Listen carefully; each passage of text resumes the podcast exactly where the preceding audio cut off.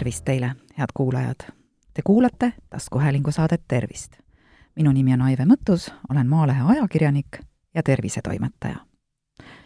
karpaalkanali sündroom on tüütu haigus, mis kimbutab kõige sagedamini keskealisi naisi. Õnneks on see mure aga enamasti üsna hõlpsasti ravitav.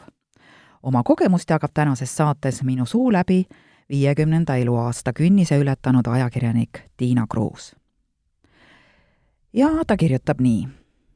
kõigepealt hakkas mul öösiti ära surema vasak käsi. ärkasin aeg-ajalt selle peale, et käelaba oli tundetu ja istukil voodis rapsisin kätt seni, kuni see jälle elumärke ilmutama hakkas. ei saa salata, see oli tüütu, aga samal ajal ei tundunudki algul teab mis tõsine häda. kes meist siis poleks kokku puutunud olukorraga, kus mõni jäse on pärast pikka liikumatuse asendis olekut tundetuks muutunud. küll läheb üle, mõtlesin. kulus mõni kuu ning lisaks suremisele hakkasid käed valutama ja tuimaks muutuma. enamasti vasak, harva parem, aga vahel lausa mõlemad korraga. mõnikord läks valu käes nii tugevaks, et edasi magada saingi vaid pärast valuvaigisti võtmist. lõpuks läksin perearsti juurde, kes pakkus kohe, et tegu on karpaalkanali sündroomiga sobisin igati selle haiguse profiiliga. õiges vanuses naine, kes teeb palju arvutitööd, sest karpaalkanari sündroom kipubki kummitama pingelise käelise tegevuse korral. uduselt meenus, et olin kätega kimpus ka pärast teise lapse sündi, mil toonane perearst samuti karpaalkanari sündroomi kahjust, kahtlustas. muide, ka rasedus on üks selle sündroomi käivitajaid. aga tookord läks häda iseenesest üle nüüd aga ei läinud. karpaalkanali sündroom pole tegelikult ei raske ega keeruline haigus. ja et see on üsna levinud, mõistsin siis, kui avastasin tutvusringkonnast kaks saatusekaaslast. mulle oli kasulik kuulda nende kogemusest. üks, mida mõlemad ütlesid.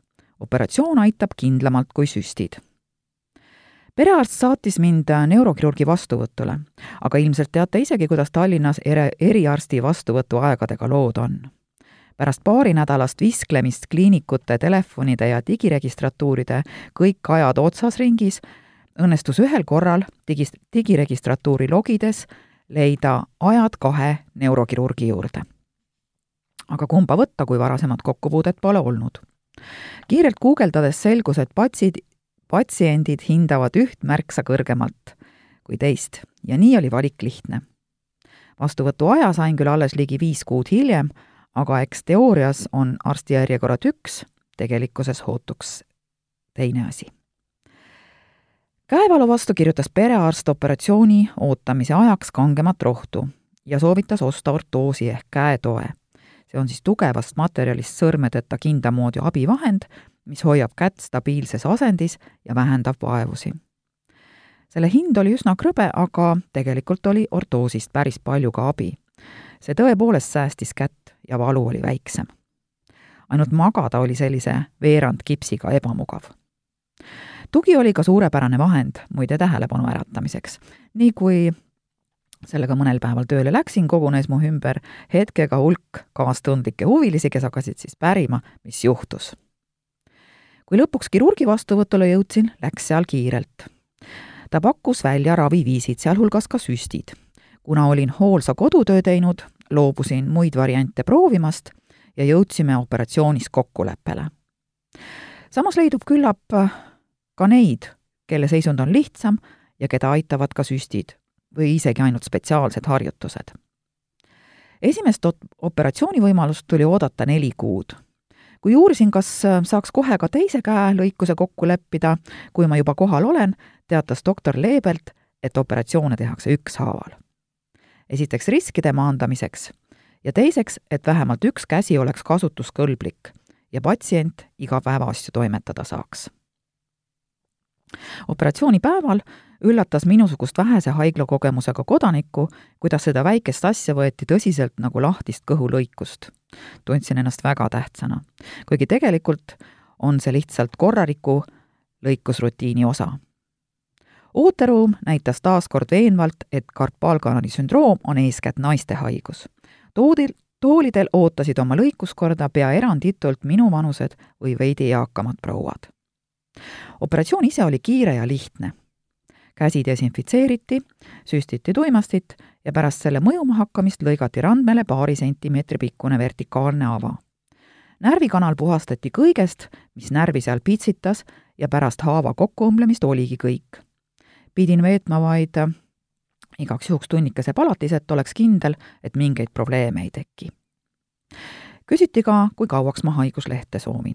kuna arvasin, et saan oma tööd teha ka ühe käega arvuti klaviatuuri toksides, ma aja haiguslehte ei võtnudki.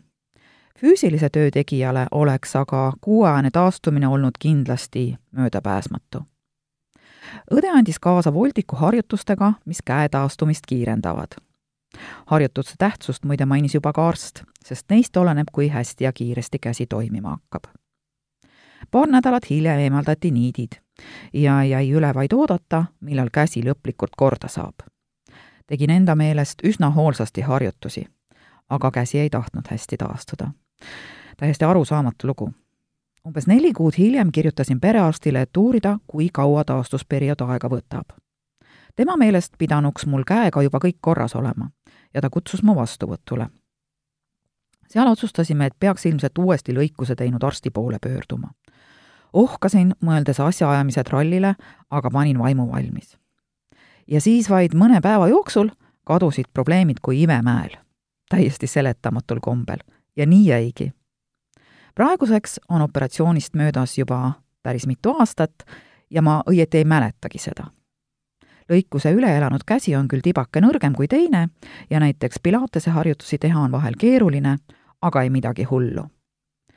kõige veidram on see, et parem käsi ei ilmuta enam mingeid karpaalkanali sündroomi tundemärke. see on mulle müstika, ei saa aru, kuidas see võimalik on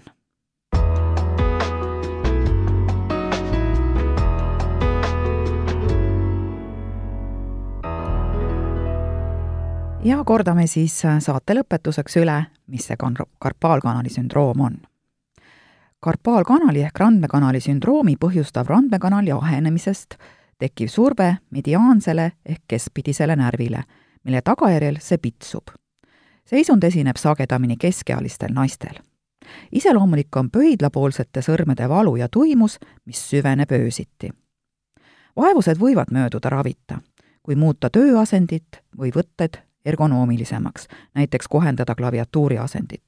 või siis ka pärast vallandava teguri, näiteks raseduse möödumist. vajaduse korral pannakse ranne lühikeseks ajaks kergesse lahasesse, mis takistab randme painutamist. ravimitest kasutatakse mittesteroidseid põletikuvastaseid tablette või kortikosteroidsüste randmekanalisse.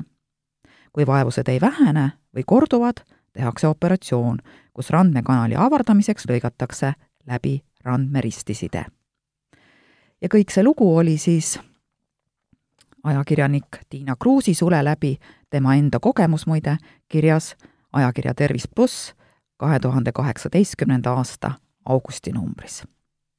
head kuulajad, te kuulasite taskuhäälingu saadet Tervist. saate leiate Delfi podcastide pesast tasku, nutirakenduste Spotify, Apple Podcasts, SoundCloud ja teised hakake jälgijaks ja kuulake just teile sobival ajal. ettepanekuid teemade kohta, mida saates käsitleda, ootan teilt e-posti teel aadressil tervist.maaleht.ee. minu nimi on Aive Mõttus, olen Maalehe ajakirjanik ja tervisetoimetaja. tervist teile!